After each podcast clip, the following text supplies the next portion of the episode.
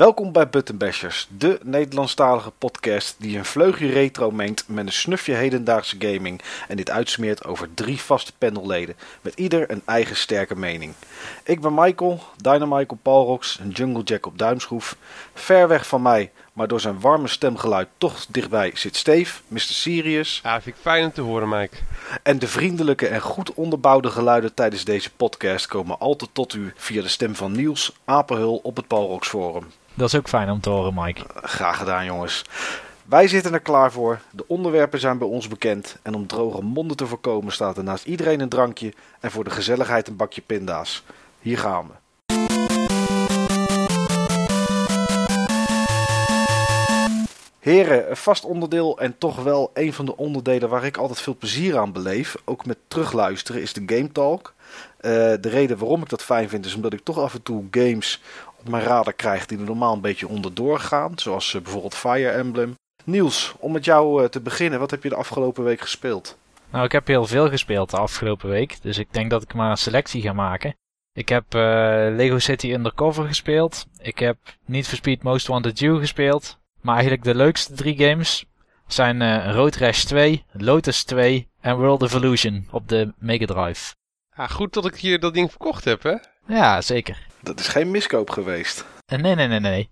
Vooral die, uh, die twee race-spellen, die heb ik vrij lang gespeeld. Ik heb een soort zwak voor uh, die raster race games. Ja, zoals Outrun en zo. Precies, zoals Outrun en zo. De truc van die race games is eigenlijk dat er geen echte 3D-omgeving is. Maar aan de hand van een dieptemap uh, worden scanlines heen en weer geschoven. Ja. Dus elke keer, uh, elke horizontale regel wordt als het ware een stukje geduwd. En dat geeft het gevoel van een bocht. Of het wordt een stukje ingehouden en dan heb je een heuvel. In ieder geval, ogenschijnlijk lijken al die spellen heel veel op elkaar. Maar Lotus 2 en Road Rash 2 zijn echt twee hele verschillende games. Hebben jullie ze eigenlijk ooit gespeeld? Allebei. Ik heb uh, ze ook alle twee gespeeld, maar het is wel heel lang geleden dat ik er nog een oordeel over zou kunnen vellen. Ik heb Lotus 2 niet. Road Rash heb ik wel, maar dan op de PlayStation. Ik weet alleen niet of dat exact dezelfde versie is. Nee, die is 3D volgens mij. Oké, okay, dan zit daar uh, het verschil in. Echt een opvolger. Maar Niels, wat is het grootste verschil tussen die twee games? Nou, Lotus is echt een, vrij standaard racegame. Waarin je eerste moet eindigen of zo snel mogelijk door poortjes heen moet rijden. En af en toe moet tanken. Afhankelijk van hoeveel laps je moet rijden. En Road Rash 2 is een, toch een vrij uh, apart spel, vooral in die tijd ook. Uh, waarin je op een motor rijdt. En je alle andere motorrijders in het gezicht kan slaan. Met de vuist, met een ketting, met een knots, maakt niet uit. Om op die manier eerste te worden. En daar heb je zo'n upgrade systeem. Dat je elke keer geld verdient waarmee je weer een betere motor kan gaan kopen. En op die manier eigenlijk door de championships heen gaat. Beide games heb ik overigens ook uh, uitgespeeld dit weekend. Tenminste, op zijn makkelijkst natuurlijk. Ja, nee, dat van Road Rash met dat slaan, dat wist ik inderdaad. Uh, wist ik nog wel. En Lotus, ja, ik weet niet. Ik heb wel vroeger op de Amiga Lotus Esprit Turbo Challenge gespeeld. En ik weet niet of dat dezelfde game is. Dat is volgens mij het eerste deel. Ja. Ja, en daar was ook wel een 2 van, zeg ik uit mijn hoofd. Maar... En een 3 ook. Ook nog, oké. Okay, ja. Dus het is wel een succesvolle serie geweest. Weet je van wie de serie was, uh, Niels? Was die van Gremlin? Van EA. Van EA, oké. Okay. In ieder geval op de Mega Drive. Ja, oh. in ieder geval op de Mega Drive, inderdaad. Oké. Okay. En Road Rash, dat was ook van EA, toch? EA, klopt. Ja. ja, die weet ik zeker, inderdaad. Jo, die dingen die jij net opnoemde qua features, dat was voor die tijd wel redelijk uniek nog. Die upgrades en dat ja. attack systeem, dat, dat hadden maar weinig racers. Maar Klopt. dat houdt die spellen ook nog steeds speelbaar, vind ik persoonlijk. Ja, nee, dit zijn inderdaad dingen die, uh, die, die je nu zou verwachten in een game, zeg maar. Met de items kopen en misschien wat tunen en dat soort dingen allemaal. Dat is iets van vandaag de dag. Ik heb even snel gekeken trouwens. Ik zie Lotus Esprit Turbo Challenge. Zie ik toch als, een, uh, als het nummerbord voor op de cover zie ik uh, Gremlin op het nummerbord staan. Oké. Okay. Ik heb hier de Sega versie voor me liggen en daar zie ik eerlijk gezegd niks erbij staan. Oké. Okay. Oh ja, op de achterkant. Gremlin, ja. Oké. Okay. Misschien gemaakt door Gremlin en uitgegeven door EA? Ja, die kans is heel groot inderdaad, ja. Oké, okay. er was nog één, uh, één game die je deze week gespeeld hebt op de Mega Drive. Ja, dat is World Evolution. Oh ja. Met Mickey Mouse en Donald Duck. Ja. Dat is het tweede deel dus. Ja, deze kan ook met twee spelers. Ja, okay. ben ik ooit mee begonnen, samen met een uh, maat van me. Alleen toen zijn we vrij ja, snel geëindigd. Omdat we op een gegeven moment vastkwamen te zitten. Omdat we bij God niet wisten hoe we voor, ja, voorbij een bepaald punt kwamen. Toen zijn we maar gewoon genokt. Oh, je zegt het ook zo van, nou, ik vind het niet heel erg ook. Ja, joh, hij viel mij een beetje tegen. Ja, mij ook. Ik begreep niet waarom die game toch wel redelijk staat aangeschreven. Hij staat nu natuurlijk niet zo goed aangeschreven als het eerste deel, als Castle of Illusion. Maar uh, ja, ik had er meer van verwacht. Ja, ik ook. Maar ik wil wel een gok doen naar het moment waar je gestopt bent. Doe eens een gok. Er zit ergens in een van de laatste levels van het spel een, uh, een scherm en daar zie je een aantal dobbelsteentjes liggen. En daar kun je niet verder en je kan, ja, je kan wel terug, maar het is duidelijk dat je daar moet zijn. En er wordt eigenlijk niet echt goed verteld wat je daar moet doen. Want voor de rest is het spel heel nee, eendimensionaal. Het, het was het eerste stuk dat je moest bukken of zo. We wisten niet hoe je die stomme eens moest laten bukken. Die, nee, die kan niet bukken. Je moet die er doorheen trekken met Mickey. Oké, had ik, want had ik uh, iets moeten weten. Ja, oké. dus, eh, dus in level 1 ben je gestopt. Ja. ja, we kwamen er gewoon niet uit. En we hadden zo, joh, en we gingen toen zeg maar allemaal multiplayer games uh, spelen. Splitscreen multiplayer games op mijn Mega Drive. En we hadden zoiets, ja, fuck dit. We doen gewoon de volgende. Nou ja. Ja, is begrijpelijk. Maar ik blijf erbij dat eerste deel, dat was gewoon veel leuker. Dat is een classic. Dat is een game die iedereen die een 16-bit hart heeft gespeeld moet hebben. En dat tweede deel, ja... Mm, mm. Hmm. Ik, ik, begrijp in ieder geval goed waarom ze nu juist zeg maar, deze week een remake aangekondigd hebben van het eerste deel van Castle of Illusion.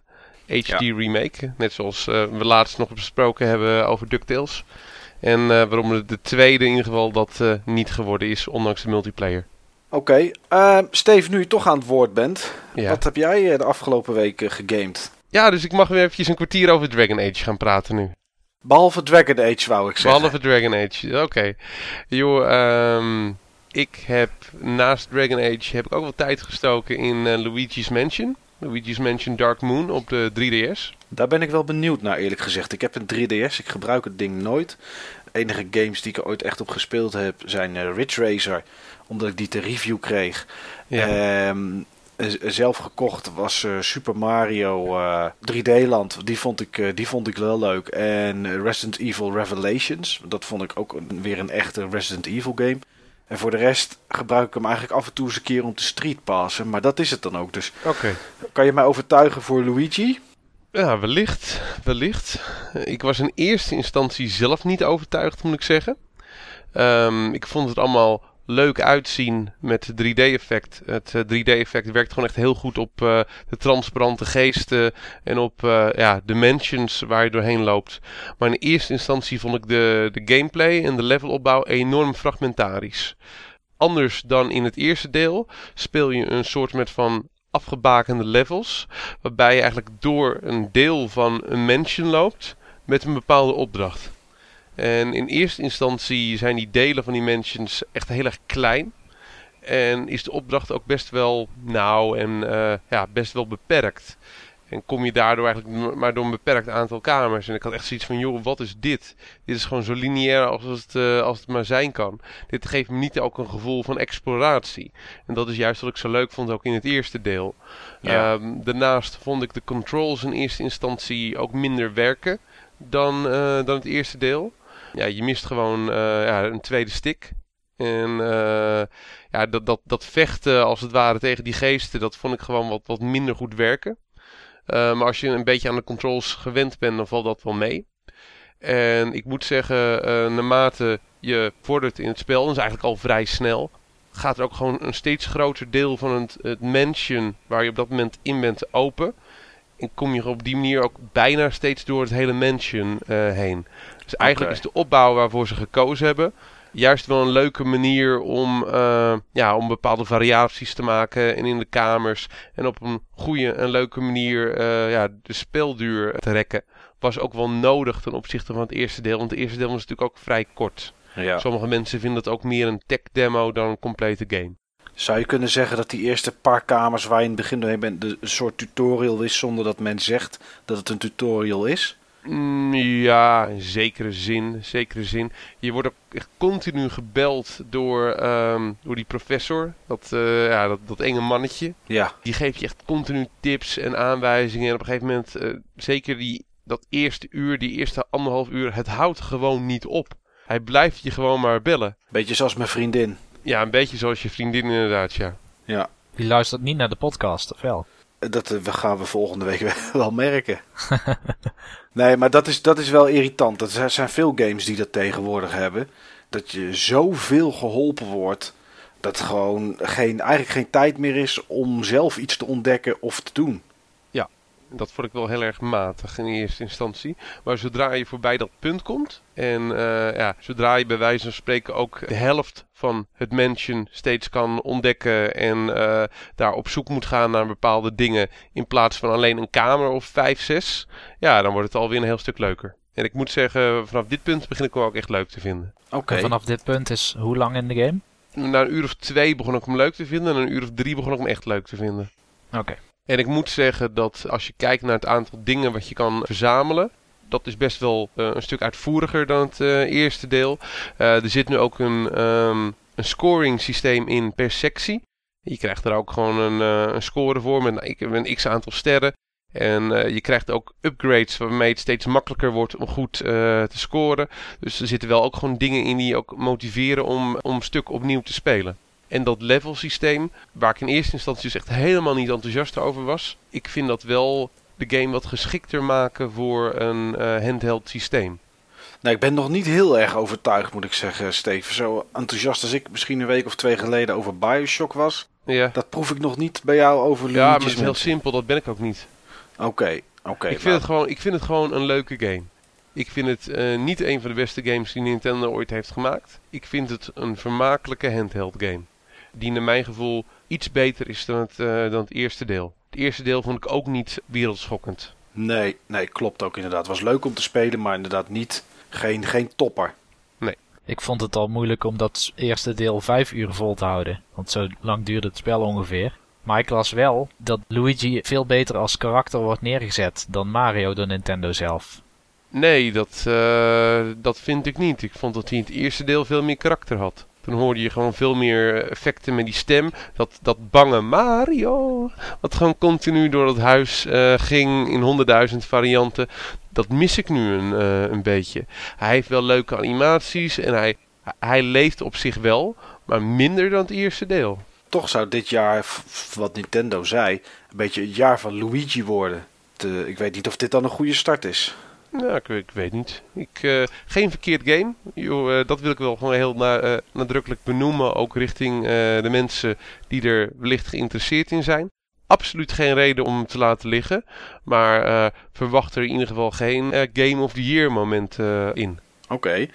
Even snel om een beetje de tijd goed in de gaten te houden. Ja. Heb je nog iets anders gespeeld? Nee, eh, voor de rest echt veel tijd gestoken in Dragon Age. Maar daar wil ik het echt nog wel een keer over hebben op het moment dat ik met die game klaar ben. Ja. En wat heb jij gespeeld, Mike? Ja, ik heb niet zo heel veel gespeeld. Ik heb maar twee games gespeeld de afgelopen week. Dat is wel Eh, uitzonderlijk weinig voor jou doen. Ja, dat is eh, voor mij doen heel weinig. Ik was, eh, ik was ziek ergens in het midden van de week. Ik had de twee avonden die volgepland waren met eh, vergaderingen voor allerhande dingen. Dus ik heb niet zo heel veel gespeeld. Ehm, de games die ik gespeeld heb eh, waren Injustice Gods Among Us Ja. eh, en Shootmania Storm. Ik kan over alle twee kan ik iets vertellen, maar nou, geef maar aan waar de, jullie van denken. Daar wil ik wel iets over horen. Nou, ik ben zelf in ieder geval wel heel erg benieuwd naar Injustice. Daar, daar ga jij nu die andere game zeggen, toch Niels? Nou, daar was ik sowieso al van plan. Ja. Als Ja. dat van dezelfde, als Shootmania van dezelfde makers is als Trackmania, Dat is het. ja, dan ben ik behoorlijk benieuwd. Nou, weet je wat? Ik neem twee minuutjes per game. Dan eh, slok ik er in totaal vier Dat op. vind ik een mooi uh, Salomons oordeel. Ik, eh, ik begin met Injustice. Injustice is een aardige fighting game, maar niet waar ik op hoopte. Injustice, voor de mensen die het niet kennen, komt uit de stal van Ed Boon. De, de Mortal Kombat makers. eh, Netherrealm, zoals het tegenwoordig heet. Ehm, gaat over de, de superhelden uit de, uit de Justice League. Dus ja, iedereen die je kan voorstellen, die zit erin. En uiteraard ook de, de slechte kant. Eh, het grootste probleem wat ik met de game heb is niet de story mode, want die vind ik van fighting games nooit geweldig. Wat Niels heeft met überhaupt story modes, heb ik met story modes in fighters. Ja. Eh, daar skip ik het liefst snel, snel doorheen, want interessant zijn ze nooit, vind ik. Eh, Het nadeel van de story modes tegenwoordig van fighters, uh, in mijn optiek, is dat je met heel veel verschillende karakters krijgt te spelen in een vrij korte tijd. Waardoor de bewegingen, de special moves van een karakter goed onder de knie krijgen, vrij lastig is. En je eigenlijk continu maar een beetje aan het buttonbashje bent. Dat vind ik echt gewoon gigantisch kloten. Vroeger was het zo, dan was je gewoon met één karakter bezig. En dan volgde je het verhaal van dat karakter, voor zover er een verhaal was. En dan werd je gewoon steeds beter ermee. En dan speelde je gewoon met je favoriete karakter. En, en dan liet je de karakters die je amper kon spelen, of die je totaal niet interesseerden, die liet je gewoon links liggen. Echt helemaal tot het eind. En dat is gewoon hoe een story mode van fighter zou moeten zijn. Ja, nou dat is dus nu, uh, nu niet. Je hebt twee of drie gevechten met één karakter. Dan gaat het verhaal uh, verder met een ander karakter. En dat is dan waar je mee moet spelen. Het grootste nadeel aan de game is uh, dat er voor mij geen geen opwinding, om het even in het Nederlands te houden, geen excitement in de game te vinden is. Uh, het zijn superhelden waar je mee vecht en tegenvecht. Uh, superheld gaat niet kapot bij drie klappen, want dan is het geen superheld. Dus ze hebben een enorm lange balk met, met hitpoints, met levenspunten. En die hebben ze twee keer. Die staan gewoon onder elkaar. En gevechten kunnen dus gewoon zomaar anderhalve minuut duren zonder een bevredigend eind, omdat er geen finishing moves in zitten. Dat hebben ze expres niet gedaan, want anders zou het helemaal te veel volgens hun op Mortal Kombat lijken. Maar dat geeft dus ook het, toewerken naar het einde van het gevecht is op een of andere manier minder, eh, ja, is minder spannend. Ja, het is een soort van anticlimax. Soms wel. Als je, dat heb ik altijd al gevonden. Met Mortal Kombat ook. En met Street Fighter weet ik wat. Als je een gevecht eindigt door een, een simpele punch in de face. En daar gaat daar iemand door neer. Ja, ik weet het niet. Dat is, vind, ik, vind ik niet zo tof ander groot nadeel aan de game, en ik zit volgens mij over mijn twee minuten heen, maar goed, dat moet er maar heel even. Um, wat ze bij de laatste Mortal Kombat hebben geïntroduceerd, Mortal Kombat 9, had je van die X-ray moves. Hè? Je bouwt een meter op met punten, je haalt alle twee de triggers over en je krijgt een special move. Het nadeel van die special move is dat hij heel de game stilzet. En dat is hier ook. Maar ze hebben er nog een move bij bedacht. Je hebt dezelfde soort move met de twee triggers die je aan kan trekken. Maar als je dat uh, eerder al doet en je maakt er een special move bij, kan je een soort rock, paper, scissor-achtig systeem wordt er afgetrapt. Uh, heb jij nog heel weinig hitpoints en je trapt het af, dan heb je maar één keuze om te maken. Kan je alleen maar op de X of op de, de A drukken, hè, welke opties je dan hebt. En de tegenstander die uh, wijze van spreken nog vol hitpoints zit, die kan kiezen welke vier knoppen hij indrukt. Het is een beetje een goksysteem. De twee uh, tegenstanders vliegen op elkaar af. Er komt een soort van ontploffing en een van de twee wint. Degene die wint krijgt er wat hitpoints bij. En de ander verliest wat hitpoints. Zo kan je, als je tegen het einde van het gevecht zit, eventueel nog wat, wat hitpoints erbij verzamelen. Alleen net als, noem maar even X-Ray Move van Mortal Kombat die hier ook in zit, staat het spel gewoon weer stil. Je krijgt, eh, de karakters zeggen iets tegen elkaar. Je krijgt een heel klein soort cutscene krijg je. En dat vertraagt gewoon. En zo duren gevechten soms twee minuten. Met dat soort uh, grappen tussendoor. En als ze dan ook nog eens niet episch eindigen of met een grote knal. Ja, dan is het het net niet. Dat is voor mij Injustice. Uh, ga ik snel door naar, uh, naar Shootmania. Shootmania is inderdaad de, de, de, de soort opvolger van Trackmania. Voor de mensen die Trackmania nooit gespeeld hebben, Trackmania is eigenlijk is een race game, maar eigenlijk geen race game, vind ik. Het is meer een soort arcade game je begint een, een, level, daar heb je een parcours in. En het parcours kan je bijvoorbeeld uitrijden in ongeveer een seconde of 20, 25 meestal. Zijn meestal dat soort tijden. Maar je hebt langer, een minuut of vijf of zeven, afhankelijk van de instellingen van de server, om het parcours te spelen. Je speelt dit met een aantal mensen. En de bedoeling is eigenlijk dat je het parcours zo snel mogelijk rijdt. En des te meer je hem rijdt in die minuten die je hebt, des te optimaler je hem zou, eh, zou kunnen benutten. En zo is het eigenlijk het doel om ja, aan het einde bovenaan te staan van alle mensen die meedoen. Het, uh, het leuke daarvan is, is dat je op elk moment opnieuw kan beginnen door simpel op de backspace knop te drukken. Als je na twee seconden al denkt van dit wordt niet mijn record, kan je opnieuw beginnen. En daardoor krijg je enorme snelle en, en leuke gameplay. Daarbij kunnen de mensen zelf met een editor kunnen tracks maken. Dus eigenlijk is het spel oneindig. En de truc van Trackmania is dat er een ranking is. Die is eh, voor je eigen land en voor je continent en voor de wereld. En ja, het is natuurlijk leuk en de truc daarvan om ja, te zeggen van ik ben nummer 1 van Nederland of nummer 1 van Europa. Nou goed, dit systeem hebben ze omgezet naar uh, Shootmania. Wat dus in wil houden dat het niet meer met autootjes racen, maar dat het een shooter is. En daar werkt het niet zo goed op die manier. Uh, de reden dat het niet zo goed werkt is dat mensen die shooters spelen, die zijn tegenwoordig gewend om uh, poppetjes te krijgen. Ze hebben ze perks, ze hebben upgrades, ze hebben meerdere wapens, ze hebben eventueel uitrusting, ze kunnen levelen om beter te worden. Dat is er allemaal niet. Iedereen begint elk level met hetzelfde poppetje, alleen een ander kleurtje, heeft maar één wapen zijn er niet meer, behalve sporadisch in bepaalde levels liggen wel af en toe wapens. Maar in principe moet je ervan uitgaan dat ze er niet zijn. En ja, het is de bedoeling dat je elkaar kapot knalt binnen meestal zo'n anderhalve minuut. Uh, je krijgt punten voor als je de last man standing bent. Dus als je het wint, of als je team wint, of als je bepaalde punten hebt bezet. En ja, dat is het eigenlijk. En waar het om, daar ook aan ontbreekt, hetzelfde eigenlijk als bij Injustice, is het excitement gevoel van yes, ik heb gewonnen. Dat, dat, ja, dat, dat is er gewoon eigenlijk niet. Uh, er zit wel weer een editor in, dus mensen kunnen weer levels maken. Uh, het voelt wel een beetje stroperig aan, maar daar zullen ze met updates vast wel, uh, vast wel aan werken nog. Maar uh, ik verwacht niet dat dit heel lang stand houdt. Want de vraag die ik mezelf stelde tijdens het spelen en reviewen van de game was: voor wie is dit? Het is niet voor mensen die van Trackmania overstappen en denken ik wil wat anders. Van die vinden het, ondanks dat het niet helemaal met racen gaat, want dat het ook om rennen kunnen gaan. Maar die vinden het racegedeelte en het soort platformachtige gameplay vinden die leuk. Nou, dat is hier is weg, want het is toch een shooter. Maar mensen die echt voor shooters gaan, ja, die willen uh, grote, mooie maps. Wat mooi is het zeker niet. Net zoals Trackmania willen ze dat het op elke computer kan draaien.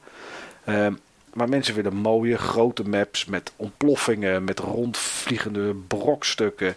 Uh, die willen upgraden, die willen hè, kunnen laten zien door middel van hun e-penis, om het maar zo te noemen. Van kijk eens, ik ben level 45 en jij bent level 3 en met mijn gouden wapen schiet ik je overhoop. Uh, dat kan hier allemaal niet. Je kan zeggen, kijk ik ben nummer, nummer 7000 van de wereld en jij bent nummer 80.000 van de wereld. Maar dan nog uh, als je twee keer geraakt bent, ben je dood. Nou ja, en als er veel kogels rondvliegen, kan dat altijd. Dus ja, ik, ik, ik vrees dat deze game geen lang leven is beschoren. Nee, klinkt jammer inderdaad. Ja. Ik heb net even zitten kijken, het lijkt me echt helemaal niks. Nee, het is, het is, als je een, wedstrijd speelt is het best leuk. Maar als je het uh, afzet tegen bijvoorbeeld zoiets als... En dan zullen mensen misschien denken, daar komt hij weer. Maar goed, het is gewoon een goed voorbeeld. Met een Team Fortress 2 als je daar iemand neerschiet of je redt het net met je leven om iemand neer te knallen, dan heb je een gevoel van, ah yes, dan heb je een, een overwinningsgevoel. En dat heb je bij deze game, heb ik dat echt nog geen seconde gehad. Ook niet als er aan het einde stond, Jungle Jack has won this round. Dan nog dacht ik, nou leuk, ik heb het gewonnen.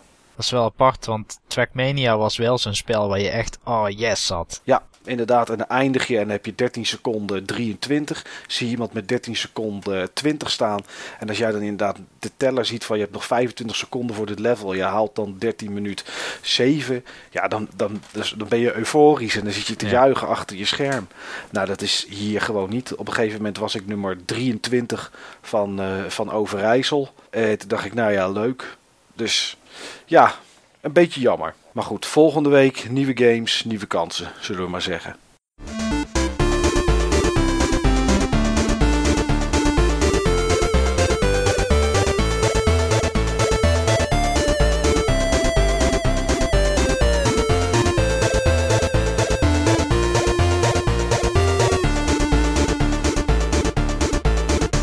Als grote onderwerp willen we het vandaag eens hebben over uh, de multiplayer.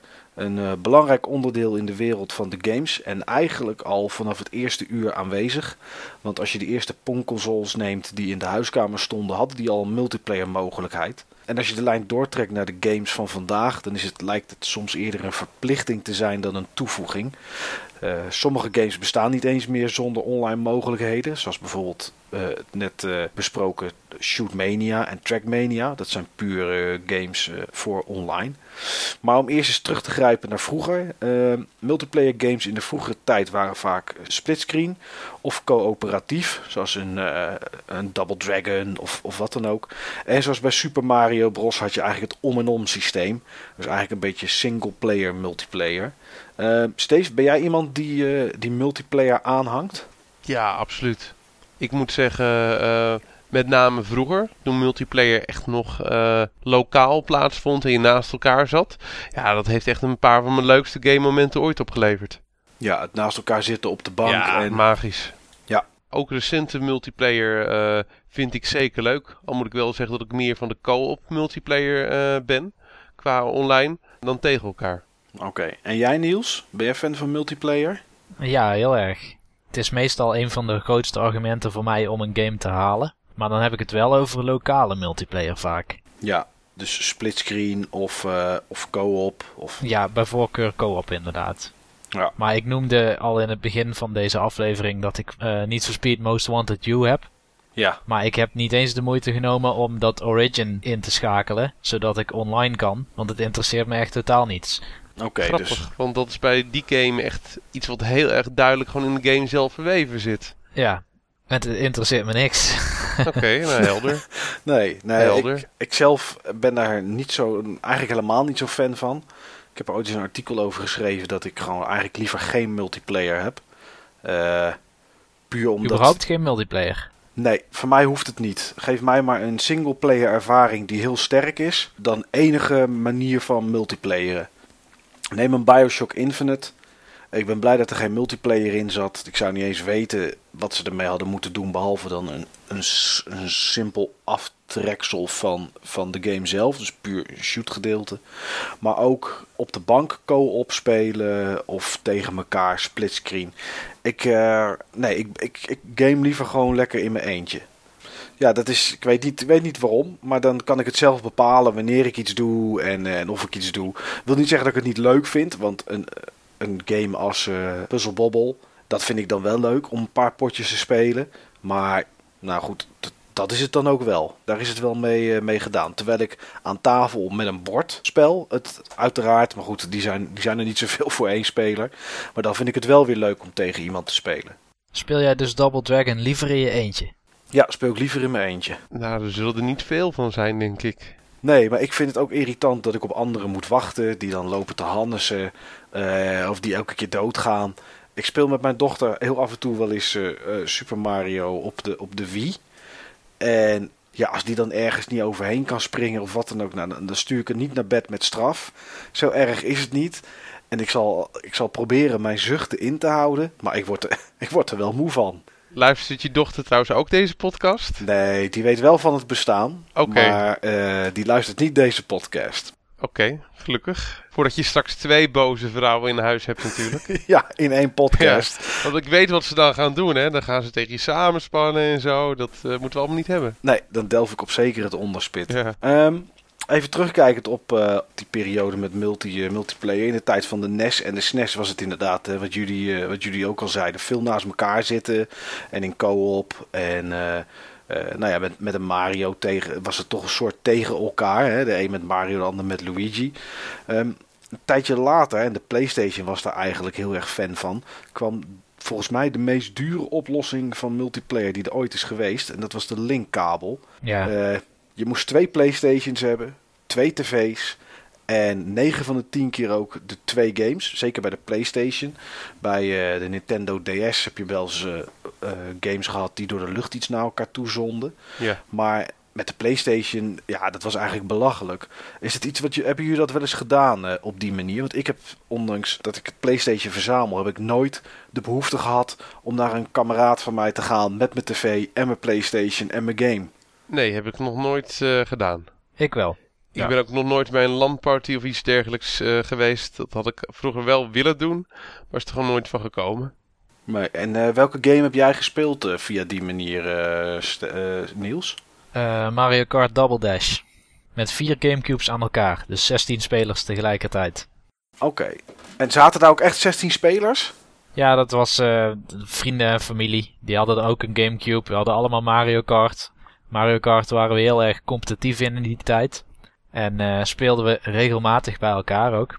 Maar zo is het dus één keer voorgekomen dat we bij iemand zijn gekomen en vier televisies en vier Gamecubes hebben neergezet. En toen zijn gaan Mario karten de hele middag. Ja, dat klinkt wel heel erg tof. Ja, in jouw oren wel. Ja, nou in mijn oren ook wel, omdat ik natuurlijk het zou best, best leuk zijn, maar ik hoef er niet een hele middag, eh, hele middag dan aan te zitten. Eh, ik moet wel eerlijk toegeven dat het vroeger anders was. Maar wa- was dat nog wel een beetje te zien? Want ik weet niet hoe groot de tv's waren, maar als het, ik vind zelf het nadeel van splitscreen meestal al. Ik ben er gewoon de helft van mijn beeld kwijt. En als je dat dan met, met, met vier players splitscreen op één tv hebt, is dat dan nog wel te zien? Het is goed genoeg te zien, maar bedenk je wel, het zijn mensen die je bijna professioneel Mario Karter zou kunnen noemen. Die hoeven niks te zien. Nee, die kennen de maps en, eh, en die, die weten wel wanneer ze op welke knoppen moeten drukken. Precies, ja. Oké, dan is het wel anders. Ik heb zelfs vroeger meegedaan aan die Nintendo Roadshow Mario Kart events. En hoe ver ben je gekomen? Ja, dat is mij niet meer bekend. Oh, dus niet nummer 1, dat helaas niet. Nee, absoluut niet. Nee, dan kwam op het. eh, volgens mij stond er dan in de krant. Aanstaande weekend in de Beekse Bergen. Nintendo Mario Kart competitie. Ja, Ja. daar moest ik dan naartoe. En dan werd je gereden door je vader of je moeder. Ja, En dan eh, ging Niels ging daar Mario karten. en waarschijnlijk dik verliezen. Ja, Maar ik had toch plezier in het meedoen. nou ja, dat is, eh, dat is altijd goed. Meedoen is belangrijker dan winnen, zeggen ze wel eens. En dat was een echte Super Nintendo versie? Ja. Tof. En daarna de Nintendo 64 versie ook. Vond ik overigens een hele leuke versie. Die heb Ja. ik eergisteren nog gespeeld. Ja, dat was zeker een leuke versie. Eh een stapje wat daarna kwam, en dat was natuurlijk het begintijd van wat we nu kennen met multiplayer, eh, was ja, over het netwerk gamen. Nadeel was, zeker in de beginperiode, toen mensen nog niet echt enorm goed met netwerken waren, dat het heel lastig was om het aan de praat te krijgen. Zeker in de DOS-periode. Je moest drivers hebben voor je, voor je netwerkkaart.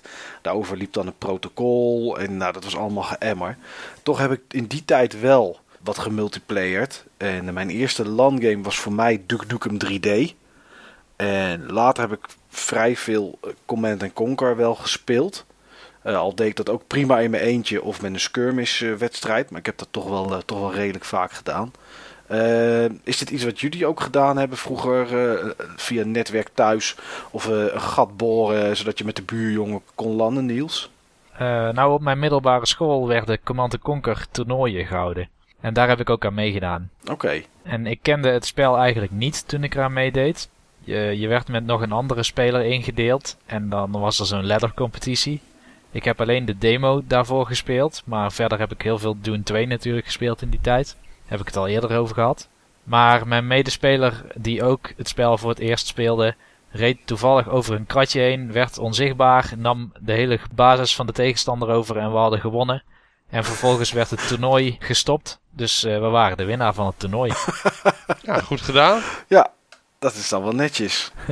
en jij, eh Steve, we weten dat je nu eigenlijk het liefst zo min mogelijk op je PC gamet. Maar is dat vroeger wel anders geweest? Eh, Met multiplayer nooit. Oké. Joh, eh, ik had pas relatief laat internet. En ehm, ja, in eerste instantie ook echt puur een, eh, een 330k-lijntje. En eh, joh, eh, ik moest er niet aan denken om op die manier te gaan, eh, gaan gamen. Joh, ook gewoon in die pre-internet days, van dat je echt gewoon een netwerk op die manier opzette. Nee, nee, daar was ik allemaal niet technisch genoeg voor, joh. Ik ben een console kid, hè. Bij mij moest je het gewoon, het moest allemaal plug-and-play zijn. En eh, op het moment dat het een beetje ingewikkeld werd, dan haakte ik al af. Ja, dus gewoon op de bank inderdaad. En eh, controllers, game erin en gaan. Ja. Ja. Mike, jij lijkt me eigenlijk wel zo'n type die op zijn slaapkamer vier computers had in netwerk. Klopt dat beeld? Deels klopt dat. Ehm, Het waren er drie, wou je zeggen. Ja, dat wou ik inderdaad zeggen, ja. Nee, ik had, eh, ik had er drie staan in de, in de DOS-periode. Ehm, DOS-periode met Windows 3, 3.1, 3.11 zeg maar. Dus eigenlijk nog een klein beetje voor dat je echt op internet ging spelen. Ik had er drie staan. Eén, dat was een, eh, een BBS, een Bulletin Board System. Voor de mensen die eh stok oud zijn en het misschien nog herkennen. Dat was, eh, je, je belde in met een modem op iemands anders computer. En daar kreeg je een soort grafisch. Het was, was ANSI, dus het waren eigenlijk eh, blokjes met kleurtjes.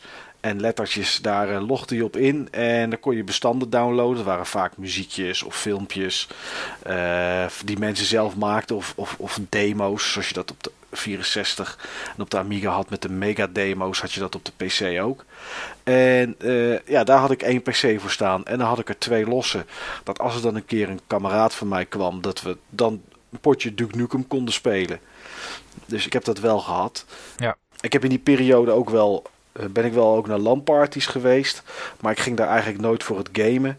Ik ging daar meer voor, uh, voor de demo's en de muziek. Ik zat zelf vroeger in een, in een groep van mensen die muziek maakten. En dat deden we mee aan competities. Dus uh, dat deed ik toen. En toen moest ik eigenlijk op dat moment niet zo heel veel van het gamen weten. Zeker niet als ik daar was, want dan was het veel te druk met muziek maken. En ja, later wel eens naar, wat, naar één of twee LAN-parties geweest waar het wel een beetje om gamen ging. Maar ja, daar ging het me meer om, om het sociale aspect, gewoon met mensen ouwehoeren en, uh, en gezelligheid dan echt om het gamen. Ja, en, ging uh, jij naar die evenementen als uh, Bizarre en Ambience en dat klopt. soort dingen? Ja, Ambience, Bizarre, Somewhere in Holland. dat, waren, dat waren de, de landparties waar ik te vinden was. En dat was eigenlijk, noemde je dat geen landparty, dat was meer demo scene party. Ja. En ja, daar kende ik een hoop mensen, dat was leuk en daar ging ik dan naartoe. Ik heb wel in huis een keer een heel weekend met, met een ander stel. Uh, met z'n vieren Tiberian Sun gespeeld. Uh, het langste potje Tiberian Sun wat ik ooit heb gespeeld was 7,5 uur. Damn. Uh, en toen moesten alle tweede partijen zeggen: Nou, weet je, laten we maar resign doen. Want we komen gewoon elkaars basis never nooit in. Ja. En nou ja, goed, dan zie je als je naar bed gaat, zie je nog steeds units lopen. En dat heb ik wel gedaan. Um, als je kijkt naar nu, tegenwoordig is uh, bijna elke game lijkt het wel verplichte multiplayer erin zitten. Gelukkig hoeft het niet altijd. Ja, we hoorden net van jou nieuws dat uh, jij je Origin niet eens geactiveerd hebt bij je Need for Speed uh, op de Wii U. Ja. Je speelt op dit moment van de, van de nieuwe generatie helemaal niks online? Nou, ik speel wel online games, maar niet op de consoles. Oké, okay. welke online games speel je dan op de, op de PC, gok ik dat het dan is? Ja, op dit moment eigenlijk alleen StarCraft 2. Oké. Okay. Maar ik heb ook bijvoorbeeld een tijd Diablo 3 gespeeld. Maar ja, zoals zoveel viel die enorm tegen voor mij en ben ja. ik gestopt. Ja, inderdaad. Steve, speel jij op dit moment games online? Op dit moment niet. De laatste game die ik echt lang online heb gespeeld, dat was uh, Mass Effect 3. Uh, de co-op multiplayer. Een uh, horde mode. Die vind ik echt enorm goed.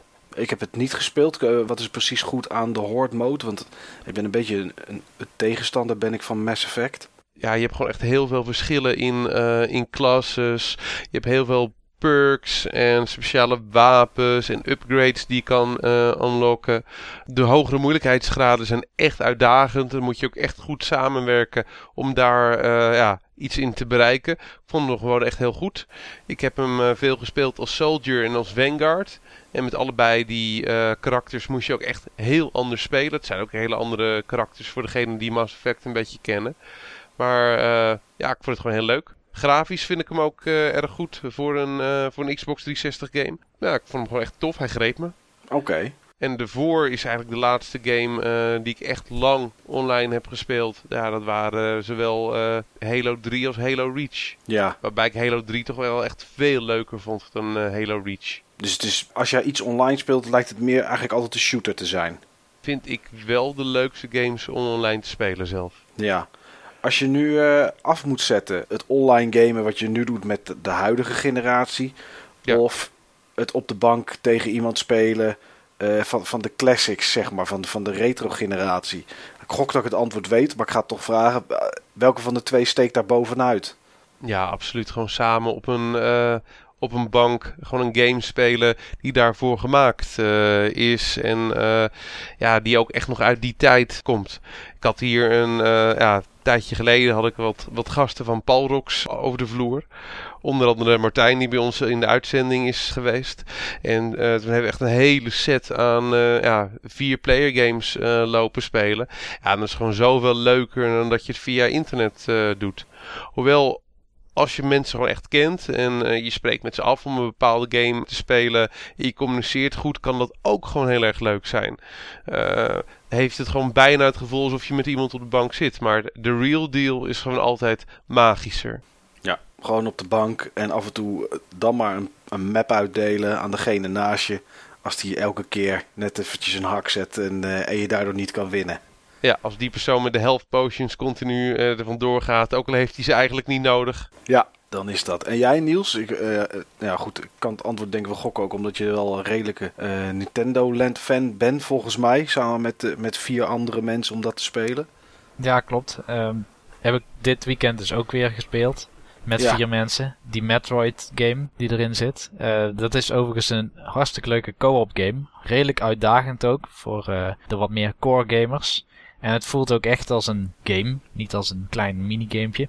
Maar nee, ik denk dat ik in jaren niet zoveel co-op plezier heb beleefd als uh, dit weekend. Oké, dus dat is toch wel iets wat de Wii U jou, jou heeft gebracht. Ja, en um, ik vergeet het elke keer steeds als iemand begint over Wii U, dan moet ik goed nadenken over welke spellen zijn nou op dit moment de moeite waard voor iemand. En eigenlijk is toch dat Nintendo Land wel zo'n ja, killer app.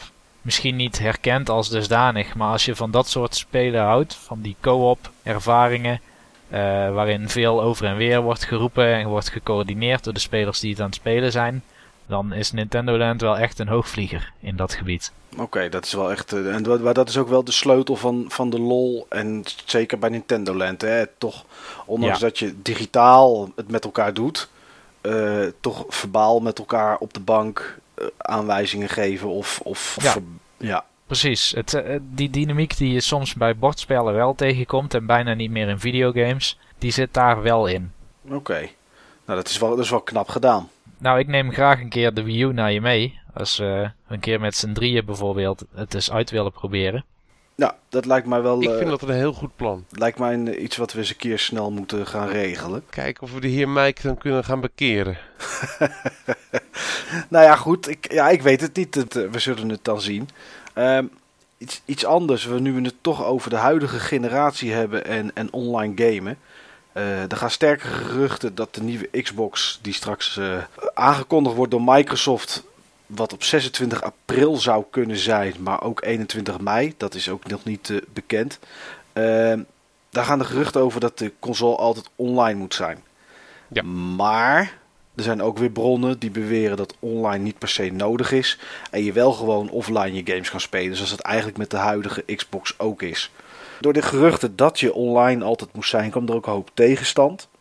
En uh, via Twitter uh, reageerde een Adam Orth.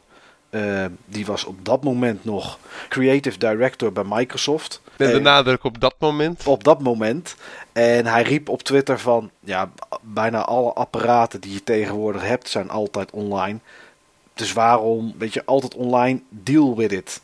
Nou ja, daar kwam uh, nog meer ellende van toen hij uh, dat eenmaal geroepen had. Hij heeft een, zegt hij zelf dat het een kameraad van hem is, Manveer Heer. Dat is een man die werkt nu op dit moment aan Mass Effect 4. Die werkt bij BioWare en die kwam op Twitter in de lucht en die vroeg aan Adam of hij niks geleerd had van Diablo 3 en SimCity. Nou, we weten allemaal hoe dat verliep toen die games uitkwamen. Ja. Nou, het gesprek tussen die mannen ging nog even door.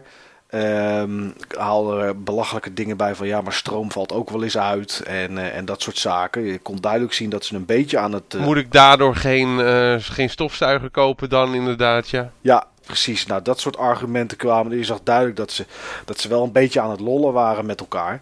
Alleen een week later, toen was Adam Orth in één keer geen medewerker meer van Microsoft. Door zijn uitspraken die hij op Twitter had gedaan. Nu zal niemand van ons drie vertrekken als hij een afwijkende mening heeft uit deze podcast. Maar ja, always online als een verplichting. Stel dat dat gebeurt, Niels. Hoe denk jij daarover? Dilemma. Als gamer zeg ik: een always online console koop ik definitief niet. Ik hoef het niet te proberen. Ik ben niet benieuwd naar wat ze voor ervaringen daar hebben. Het is ook niet zozeer principieel, maar ik ben sowieso iemand bij wie online een hele specifieke keuze is. Dus ik wil ervoor kiezen. Geldt ook voor dingen als gamerscore of um, trophies. Ja. Um, ik heb dat soort spul allemaal uitstaan. Voor mij moet het een keuze blijven als consument. Nou ja, ik vermoed, en volgens mij hebben wij het daar vorige keer over gehad, even Steve, zeg ja. ik uit mijn hoofd. En dat kwam jij toen al mee, dat het inderdaad een soort proefballonnetje misschien is geweest van Microsoft om dit te laten lekken. Om te kijken hoe, hoe de massa hoe de reacties zijn. Ja, precies. Want is het iets wat jou tegen zou kunnen houden om de console aan te schaffen? Het is niet iets wat voor mij op dit moment heel erg helpt om enthousiaster te maken voor een console. Ik zie wel voordelen qua spelervaring. Je kan wel gewoon veel dingen doen, ook in de meer singleplayer georiënteerde games. Waardoor je zeg maar op een leuke manier een soort met van verkapte multiplayer ervaring ervan maakt. Zoals bijvoorbeeld Journey uh, laatst. Dat je gewoon zeg maar in iets wat primair een singleplayer game uh, is of als een singleplayer game aanvoelt, dat je opeens een vreemde tegenkomt waarmee je opreist. Of uh, ja, het soort dingen wat Demon Souls en Dark Souls doen. Dat je uh, continu hints krijgt van andere spelers die ook verkeerd kunnen zijn. Of dat andere spelers zelfs jouw wereld in kunnen komen. Ja, het voegt wel een gevoel van spanning toe in een in principe single-player game. Joh, of uh, bepaalde aanvullende competitieve elementen, zoals je steeds meer ziet in, in racers. Zoals bijvoorbeeld dan de laatste twee Need for Speed games. Dat je continu verbonden zijn, staat met je vrienden en kan zien van joh, hoe, jij, hoe goed jij het doet ten opzichte van je vrienden en mensen waarmee je geconnect bent via die consoles. Joh, om het over, op de PlayStation 4 te betrekken, waar we het laatst over hebben gehad, zo'n share button, dat heeft ook weinig zin op het moment van dat je uh, geen online ervaring hebt. Alleen ja, om er een verplichting van te maken, ik denk dat het gevaarlijk is. Ik denk dat er op dit moment nog heel veel mensen zijn die hun console niet hebben verbonden met het, uh, met het internet. Ik weet dat jij er toevallig een van bent, uh, Mike. Volgens mij staat jouw Xbox helemaal niet mee verbonden, toch? Nee, mijn Xbox staat niet op het internet op het moment dat ik er een game in stop en die wil dat ik een nieuwe Xbox dashboard krijg omdat die update verplicht is. Dan zit hij op de disk en dan, uh, ja, dan vind ik het prima voor de rest. Ja, joh, en hoe grillig een online ervaring uh, kan zijn. Dat heb ik anderhalve week geleden nog uh, ondervonden. Wat ik dan ook gezegd had in die uitzending over The Walking Dead. Waar Klopt. ik toen aan begonnen ben. Omdat ik niet verder kon met Dragon Age. Omdat ik zo slim was om mijn, uh, om mijn save op afstand te zetten. Op het grote boze internet. Wat altijd beschikbaar zou moeten zijn. En waar ik toen niet bij kon. Omdat ik zelf lokaal internetproblemen had. Ik heb het ook wel eens gehad van dat ik problemen had met, ja, met, met Xbox Live. Dus toen deed mijn eigen internet het prima. Maar toen kon ik niet bij me save omdat Xbox Live er uit lag. Je, je maakt op die manier de totale ervaring wel heel erg kwetsbaar. Jo, en het wordt dan gezegd, een iPad die is ook altijd online. Ja, dat is ook zo. Maar dat is niet verplicht. Nee, hij doet het ook. Als die, als die niet online is, kan je ook gewoon je apps opstarten. Ja, je hebt niks aan een internetbrowser. Uh, als je geen internet hebt, maar dat is logisch. Maar voor de rest, zelfs je Spotify kan uh, je de muziek Klopt. die je wil hebben lokaal neerzetten. Ja, het is gewoon niet hetzelfde. Het is gewoon zo dat apparaten uh, steeds vaker, steeds langer, steeds prominenter verbonden, verbonden zijn met het internet. Dat hoort ook perfect bij deze tijd. Maar op dit moment is het nog zo dat een internetverbinding echt niet dezelfde kwaliteit heeft als een uh, ja, elektriciteitsverbinding. Zeker niet in grote delen van de wereld. Als je bijvoorbeeld kijkt naar, uh, naar Amerika, het thuisland van, uh, van Microsoft. Ja, daar zijn de internetverbindingen gewoon niet van dezelfde kwaliteit als hier. Nog qua bandbreedte op veel plekken, nog qua stabiliteit. En dan ga je zeg maar mensen een apparaat verkopen wat ze misschien 5% van de tijd niet lekker kunnen gebruiken. Of in ieder geval niet stabiel kunnen uh, gebruiken. Daar gaat gaming absoluut naartoe. Alleen op dit moment vind ik het echt nog een brug te ver. Nou, maar dat is het niet alleen. Hè? Want het, het, ja, tuurlijk, het kan zijn dat je zelf geen internet hebt. Of dat er technische problemen zijn. Maar wat nou als de service stopt? Dat ook nog eens een keer? Ja, is ook zo. Ja, er zijn verschillende redenen waarom het natuurlijk... Het internet is een goede. Ik, uh, ik zat net even te kijken, maar in 2010 was nog 6% van de Amerikanen... gebruikte nog een dial-up verbinding. Die gewoon nog met een modempje uh, moesten inbellen. Uh, ja. Nou, dat 6% van 10 mensen is niet, zo, is niet zoveel. eh, of van 100, dan zijn het er maar zes. Maar er, er wonen natuurlijk miljoenen mensen. Dus dat zijn er best nog wel redelijk wat. Eh, maar denk eens aan kinderen die bijvoorbeeld hun Xbox boven op hun kamer hebben staan. En eh, daar geen internet hebben. Of, of misschien alleen een kabeltje naar een PC. Omdat het draadloos niet goed is. Of een Eh, beetje crappy wifi-verbinding. die precies. het half doet. Ja, die af en toe wegvalt als, als, als mama de magnetron aanzet.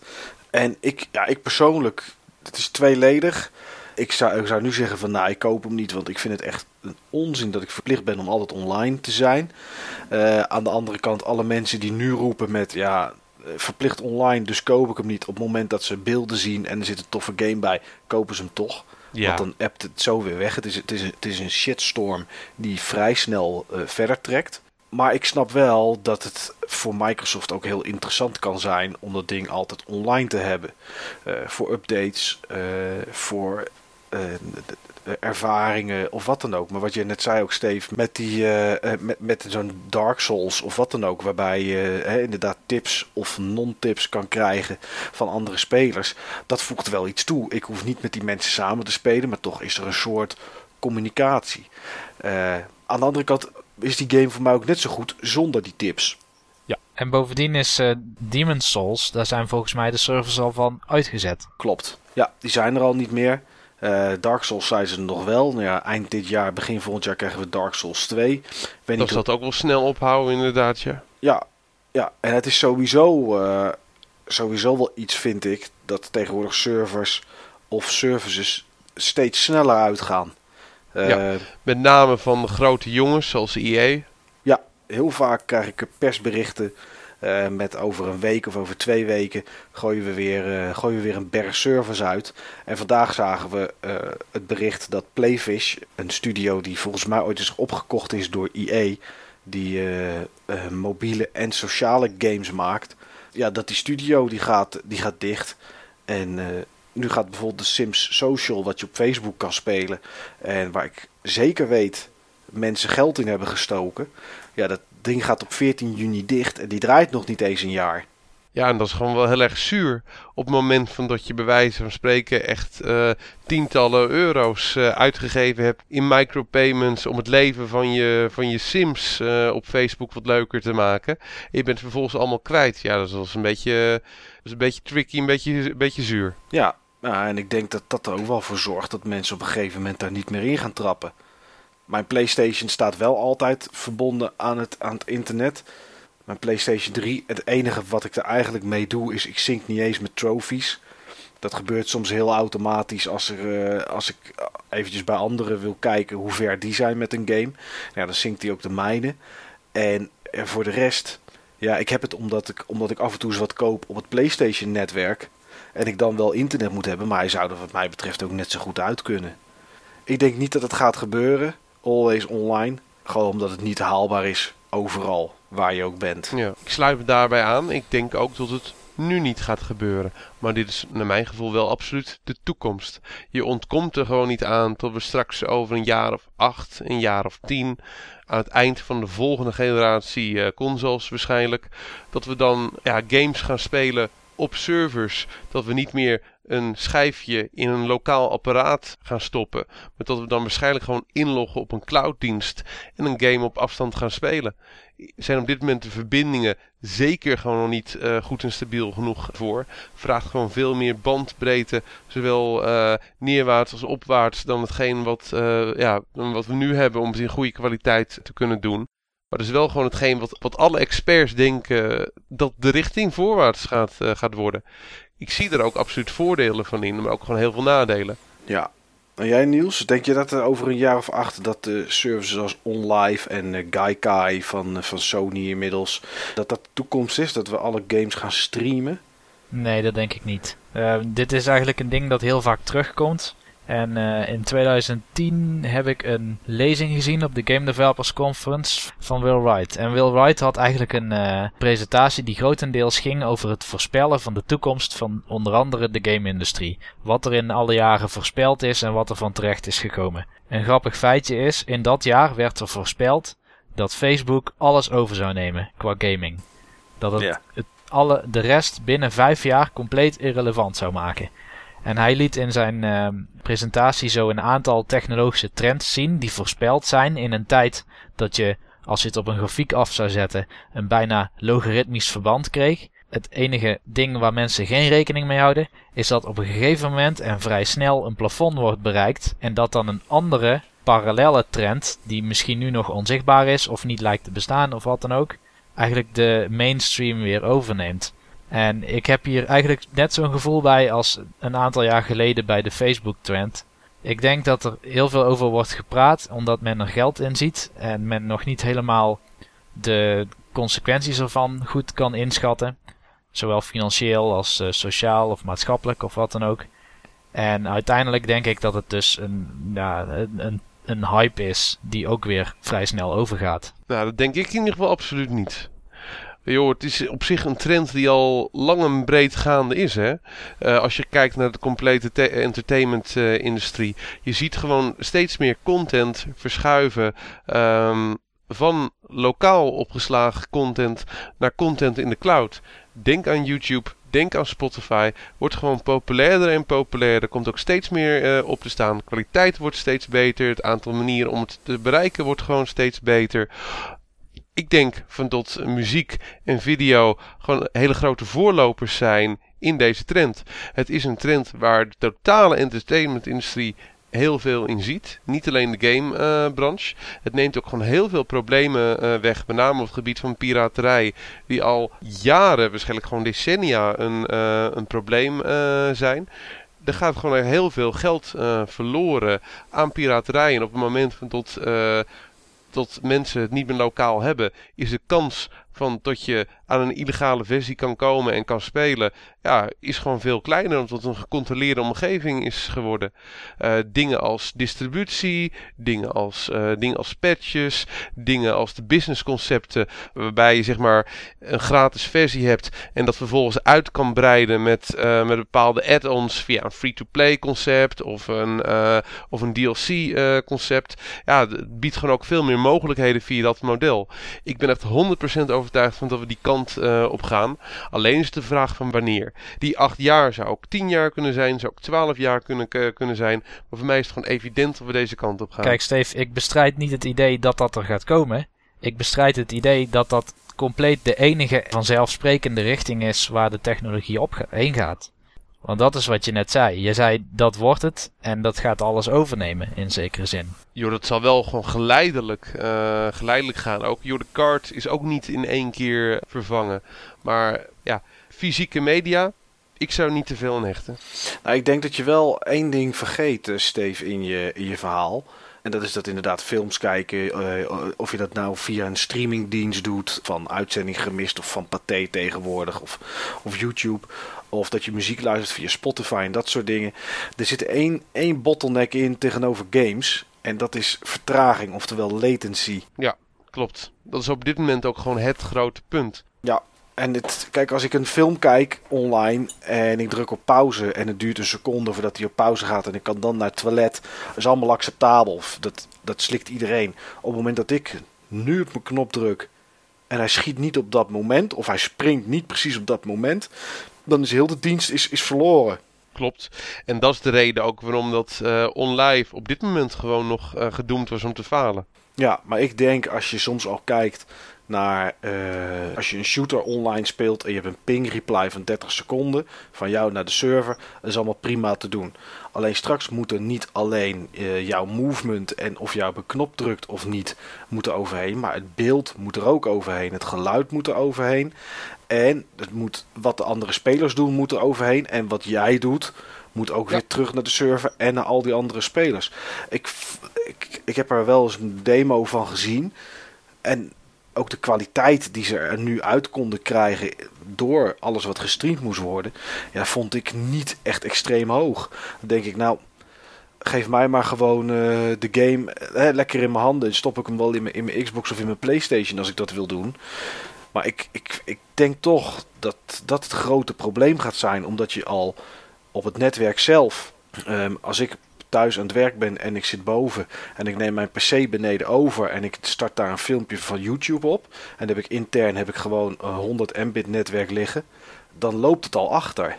Dus ik vraag me af hoe goed die kwaliteit kan blijven en hoe erg sterk de technologie erachter moet zitten om zowel audio als beeld als reactie van jou als de andere gamers in sync over het lijntje te krijgen naar misschien 32 spelers tegelijkertijd. Ja, er moet echt nog wel een slag in gemaakt uh, worden. Dat is ook de reden waarom ik zeg over acht jaar, over tien jaar. Je zal enerzijds gewoon een flinke slag uh, moeten maken qua, uh, qua bandbreedte en stabiliteit van verbindingen. En anderzijds ook qua compressie. Maar voor mij is het echt gewoon een kwestie van tijd voordat je op dat moment zit. Op dit moment zijn er gewoon in Nederland op bepaalde plekken mobiele internetverbindingen uh, te krijgen. Die beter uh, zijn en hoogwaardiger zijn dan ik een jaar of twaalf thuis had.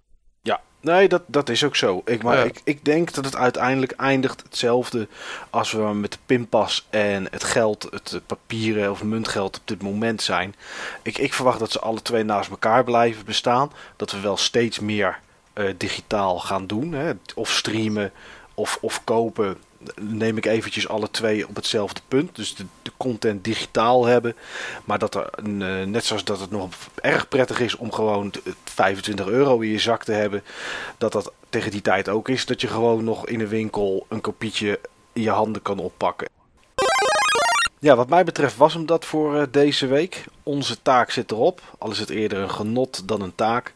En uh, ja, nu hopen we dat, uh, dat jullie, uh, de luisteraars, ook gaan reageren op de uitzending. Kan natuurlijk op Facebook, op Twitter, op Duimschroef, op Palrox of per brief. Die mag naar Onderbroekenweg 761 te Dralingen. De postduiven die mogen naar, naar Enschede. Want het begint weer beter weer te komen. En dan heeft Mike tenminste iets om op de barbecue te gooien. Toch? Nou, dat, dat is altijd goed. Want ondanks dat ik koeien aan mijn tuinhek heb, uh, zijn die nog lastig te vangen. En het slachten geeft ook een behoorlijke, behoorlijke partij ellende. Maar het liefst hebben we natuurlijk dat jullie het gewoon op onze website doen. button-bashers.nl Zodat daar eventueel de discussie verder kan gaan. En uh, nou, misschien is er nog iemand die ons wijst op hele andere feiten, waardoor we er met z'n drieën naast zitten. Uh, rest mij nog één ding te zeggen. Dat is bedankt heren en tot volgende week.